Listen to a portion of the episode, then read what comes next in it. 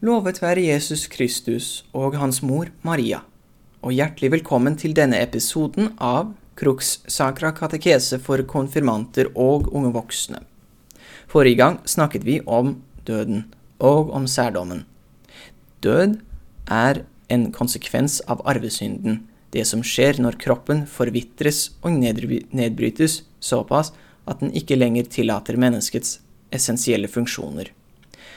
Det var en naturlig del av skaperverket, men Guds nåde holdt oss fra å misbruke legemet mot et hensikt, og dermed holdt han forvitringen og fordervelsen som død forårsakes av, borte. Derfor var det heller ingen aldring eller sykdom før syndefallet. Men da Adam og Eva syndet, trakk Gud tilbake sin nåde, og død kom inn i verden. I død skilles kroppen fra sjelen. Kroppen vender tilbake til støvet den ble skapt fra, men den udødelige sjelen forblir.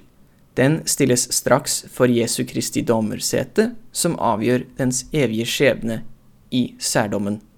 Ved, tidene, ved tidenes slutt får alle mennesker kroppene sine tilbake i oppstandelsen. Til det kommer vi tilbake. Men fordi vi dømmes rett etter vår død, er det viktig å dø i Guds nåde. For etter døden er det ikke lenger noen sjanse til å omvende seg. I døden fastlåses viljen enten i det gode eller i det onde. I nåde eller i unåde. Hos Gud eller borte fra ham. Og det bestemmer om man forvises til helvete eller tas inn i himmelen. Det er ikke Gud som forviser, men det er mennesket selv som svarer ja eller nei til Guds nåde. Kristne ber av denne grunn om en salig og fredelig død, i anger og omvendelse. De ber om sakramentene på sitt dødsleie, og de ber om anger for alle sine synder ved livets slutt. De går til Skriftet, de mottar hellig kommunion, og de mottar sykesalve. I Hildei Maria ber alle kristne derfor Hellige Maria, Guds mor, be for oss syndere nå og i vår dødstime, slik at den salige jomfru oppnår nåde for oss i dette viktige øyeblikket. I dag skal vi se på hvor sjelen kan sendes til etter sin særdom, og vi skal gjennomgå hva hvert av disse stedene er. Og så skal vi snakke litt om den siste tiden, verdens slutt. Så hva er det som skjer med sjelen etter særdommen? Da sendes den enten rett til himmelen, eller til helvete, eller til skjærsilden. Hva er da himmelen for noe? Himmelen er Guds evige bolig, hvor Han er nærværende på en spesiell måte. Gud er jo så klart, som vi har sagt, til stede på alle steder, hele tiden. Men i himmelen er han der på en slik måte at alle som er der sammen med ham, får se ham som han er, ansikt til ansikt. Himmelen er stedet for evigvarende og uendelig stor lykke, uten smerte eller død eller tårer. Det er fullstendig fred og rettferd. Det er paradis. Og det er hvor alle Guds hellige engler og mennesker tilber ham og lovpriser ham for alltid. Men ingen på jord vet hvordan det vil være å komme til himmelen. Det er et mysterium som overgår vår forstand og vår erfaring. Det eneste vi vet, er at det overgår enhver jordisk glede, på samme måte som et stort hav, som alle verdenshav, overgår en dråpe vann i størrelse, og så ganget med uendelig. Himmelen er belønningen som Gud gir til dem som har holdt ut i Hans nåde i dette liv, og som til det siste har angret og gjort bot for sine synder i kjærlighet til Gud og sin neste. Hva er helvete for noe? Helvete er stedet lengst borte fra Gud, hvor de onde engler og mennesker forvises til evig pine og straff for at de ikke har angret sine synder. Som vi tidligere har sagt, er det ingen utilgivelig synd annet enn ikke å be om tilgivelse. Gud vil tilgi enhver ondskap, uansett hvor forkastelig eller grufull eller ondt, hvis bare synderen vender om, angrer og ber om tilgivelse. Helvete er ikke stedet for alle som har syndet, bare for dem som inntil det siste nektet å be om tilgivelse, som nektet å innrømme sin feil og nektet å komme tilbake til Faderen. Til dem som nekter, vil ikke Gud gi sin nåde, for Gud tvinger ingen til å elske ham, og de vil tilbringe evigheten slik de valgte å leve her nede, og de vil tilbringe evigheten slik de valgte å dø, borte fra ham. I helvete pines de onde engler og mennesker, også med andre smertefulle straffer på legeme og sjel, på grunn av de onde tingene de gjorde. Så hva er skjærsilden for noe? Skjærsilden, eller renselsesilden, er stedet hvor sjeler som skal til himmelen, eh, men som enten har usonet timelig straff for sine synder, eller fremdeles har tilknytning til og vane for mindre alvorlige synder, eh, ender opp. Og der er de bare en bestemt stund. Det er et mellomsted. Det er ikke evig. Eh, der hvor himmelen og helvete kommer til å vare for alltid, så er skjærsilden midlertidig. Og det er bare dem som allerede skal til himmelen, men som må renses først, som kommer dit. Grunnen til at vi vet at skjærsilden eksisterer, er fordi det står i Bibelen at intet urent kan tre inn i himlenes rike.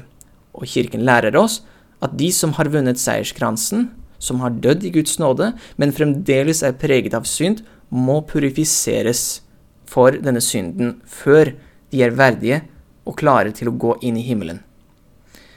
I underkapitlet om botens sakrament forklarte vi at dødssynd, altså alvorlig synd, virker en evig og en timelig straff. Den evige straffen fordi dødssynden forandrer forholdet vårt med Gud og forviser Hans nåde, og den timelige på grunn av skaden som synden påførte i seg selv, f.eks. et mord som forårsaket død, eh, skandale, eh, fattigdom forårsaket av tyveri, forførelse og mange andre onde ting. Og disse fortjener timelig straff, en begrenset straff. Den evige straffen tilgis direkte ved Jesu Kristi blod, i dåpens eller skriftemålets nåde, og den timelige tilgis ved bot gjort i nådens stand. Botens virkning er også avhengig av Jesu nåde, og kan ikke tjene til noe med mindre den kommer av ham. Bot er en straff som gjør opp for ens egne eller andres synder. Bot gjøres i dette livet eller i skjærsilden. I dette livet er det gode gjerninger gjort i Guds nåde, spesielt bønn, faste og almisse. Bønn er å gi lovprisning og takk til Gud. Faste er på en måte å gi til seg selv ved å disiplinere sitt legeme og ved å øve seg opp og våke, mens almisse er å gi til de fattige. Så kan man også gjøre bot ved å lide skjærsilden, som er en smertefull straff med den hensikt å sone for mindre alvorlige synder og å rense en totalt. Skjærsilden skal løse en rettferdiggjort sjel fra enhver plett, så den kan føres inn i den evige salighet. Her ser vi forskjellen mellom helvetes ild og skjærsild. Helvetes ild er ikke ment til å purifisere eller rense en sjel, fordi den sjelen kan ikke lenger renses, men det er ment utelukkende som en straff. Skjærsilden, på den andre siden, er ment for å omvende og rense sjelen. Vi hører om skjærsilden i Korinterbrevet i Paulus. Han skriver Ingen kan legge noen annen grunnvoll enn den som alt er lagt, Jesus Kristus. Men om noen bygger på grunnvollen med gull, sølv eller edle stener, med tre, høy eller halm, skal det en gang vise seg hva slags arbeid den enkelte har gjort. Herrens dag skal gjøre det klart, for den åpenbarer seg med ild, og ilden skal prøve hvordan den enkeltes verk er. Om det byggverket noen har reist, blir stående, skal han få sin lønn. Dersom det brenner opp, må han lide tapet. Selv skal han bli frelst, men bare som gjennom ild. Her hører vi at kristenlivet sammenlignes med et byggverk. Grunnvollen er Jesus Kristus. Det er Hans nåde, den kan vi ikke fortjene. Men det vi kan gjøre, er å bygge på Kristi verk. Bygge på Kristi grunnvoll, enten med gode gjerninger, som er gull, sølv og edle stener, fordi det kommer fra Jesus og vårt samarbeid med Hans nåde. Eller så kan vi bygge med halm og strå og tre, som, som er svake ting, som er onde ting. Um, og de kommer til å brenne opp når Jesus prøver oss med sin ild. De som bare har gull og edle stener i sitt byggverk når de dør, de kalles for helgener. De går rett til himmelen, ikke innom skjærsilden. Men de som har tre og halm og strå, de må først gjennom skjærsilden, sånn at det kan brennes bort, så det bare gjenstår det vakre og det gode og det skinnende, det som er Kristi verk gjennom oss. Så det var om skjærsilden og om himmelen og om helvete. De tre stedene. Himmelen og helvete varer for alltid. Og skjærsilden varer ikke for alltid. Skjærsilden har slutt når all synden er sont for, når sjelen er fullstendig ren. Og da kommer den sjelen inn i den himmelske herlighet, sammen med Gud for alltid. Det er derfor det er veldig viktig at vi ber for de døde, går til messe for de døde, og at, eh, og at vi daglig sier en liten bønn for sjelene i skjærsilden, fordi de avdøde som er i skjærsilden, venter på å komme inn i himmelen, og vi kan støtte dem i sin bot, i sin renselse, ved våre bønner her på jorden. Det er en gudelig, salig og god ting å be for de døde. Nå skal vi gå videre til hva som skjer ikke ved livets slutt, men ver ved verdens slutt. Og det kommer til å gå over to episoder. Men først, hva er det som skal skje ved verdens ende? Ved verdens ende skal det komme en periode med prøvelser, de største trengslene, katastrofene og forfølgelsene av kristne i verdenshistorien. Det skal være stor ondskap og mye forvirring, men til slutt skal Kristus stige ned til jorden slik han steg opp, og han skal dømme de levende og de døde. Vi ser i trosbekjennelsen at det står Han skal komme igjen med herlighet og dømme de levende og de døde, og på hans rike skal det ikke være ende. Kristi tegn skal vise seg i himlene, så menneskene vet at det er han, og han skal vende tilbake omgitt av stor prakt og herlighet og sine hellige engler. Når skal alt dette skje? Intet menneske vet når dette skal skje. Det står i Bibelen at vi kjenner verken dagen eller timen, og derfor er det ikke godt å gå rundt og på spekulere og leve i frykt, eh, men vi skal samtidig være på vakt, vi skal våke, vi skal vite at Kristus kan komme når som helst, og vi skal leve hver dag som om han kom i morgen. Men skal vi gå rundt og frykte disse siste tidene? En kristen skal ikke frykte noe annet enn Gud. Gud har i sin visdom satt hvert menneske på sin rette plass i historien, og til hver gir han det de trenger for å tjene og elske ham, og til å leve sammen med ham for alltid. Det er nok for oss. De Gud har forutbestemt til å leve ved verdens ende, og gjennom de store trengslene, vil få desto større nåde og desto mer fred på den tiden. Og derfor har de ingenting å frykte om de stoler på ham. Han sa jo, Jesus sa, og se, jeg er med dere alle dager, inntil verdens ende. Så hva skal vi være opptatt av i forhold til verdens slutt og verdens ende? Det vi skal være opptatt av, er å leve så hellig liv som vi kan, og hver dag handle slik vi ville gjort dersom Kristus sto for døren. Kristus kalte oss til å våke og være på vakt, slik at våre sjeler er klare til å motta ham. Denne våken er ikke så vi skal være redde, men tvert imot så vi skal være uredde, så vi skal være klare, så vi skal være edrue og glade.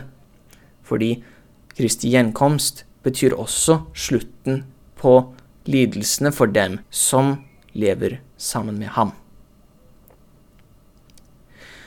Skal de døde få sine legemer tilbake ved verdens ende? Ja, det skal de, alle de avdøde, både de fortapte og de hellige, som inntil da er foruten sine kropper. De skal oppstå fra de døde på den siste dag med sine legemer. Dette er et dogme, altså en ufeilbarlig trossannhet, åpenbart direkte av Gud og erklært av Kirken for å være det, så vi vet at det er sant. Slik alle mennesker skulle lide døden ved Adam, både de gode og de onde, slik skal alle mennesker oppstå ved Kristus, både de gode og de onde. Hvorfor skal også de onde oppstå fra de døde? Og det er fordi Kristus var større enn Adam, og da kunne ikke hans seier være mindre enn Adams nederlag. Kristus utsletter all død i alle mennesker ved sin oppstandelse, men den oppstandelsen kommer til å være forskjellig for de gode og de onde. Får de døde nye kropper, eller får de igjen den gamle kroppen de hadde? I oppstandelsen får man ingen ny kropp, men den samme kroppen som man hadde I oppstandelsen får man ingen ny kropp, men den samme kroppen som man hadde da man døde. Den samme kroppen gjenoppstår, leges og gjenopplives, slik som heller ikke Kristus fikk noen ny kropp i sin oppstandelse, men tok tilbake sitt eget legeme. Dette skiller den sanne tro som vi bekjenner, fra østlige tanker om reinkarnasjon. Reinkarnasjon er hvor ens ånd tar bolig i et nytt legeme. Eh, vi tror på oppstandelse, som er at vi får igjen vårt gamle legeme. Er oppstandelsen på slutten av tiden lik for de gode og de onde? Nei, de skal alle oppstå med virkelige og udødelige og reelle legemer, men de ondes kropper vil ikke herliggjøres, og de vil fremdeles kunne føle smerte. Med de salige er det annerledes. Deres oppstandelse vil være lik Kristi oppstandelse, full av herlighet, uten smerter og usårbar. Den vil være sunn og ungdommelig, og med en letthet i bevegelsen, det vil si at man kan gå dit man vil uten noen smerte i ledd eller eller bli utmattet, uten sykdom, uten plett og uten rynke, men transfigurert, skinnende og herlig. Og det er for at de skal forberedes på den himmelske salighet. Jeg takker for at dere lyttet til denne episoden av Crux-sakra for konfirmanter og unge voksne.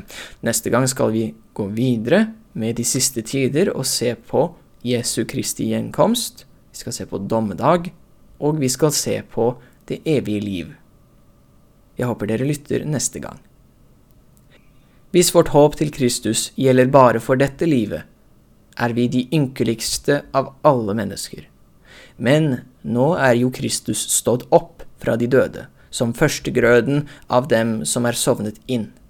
Fordi døden kom ved ett menneske, er det også de dødes oppstandelse kommer ved ett menneske. For slik alle dør på grunn av Adam, skal alle få liv ved Kristus. Halleluja. I Faderens og Sønnens og Den hellige ånds navn. Amen.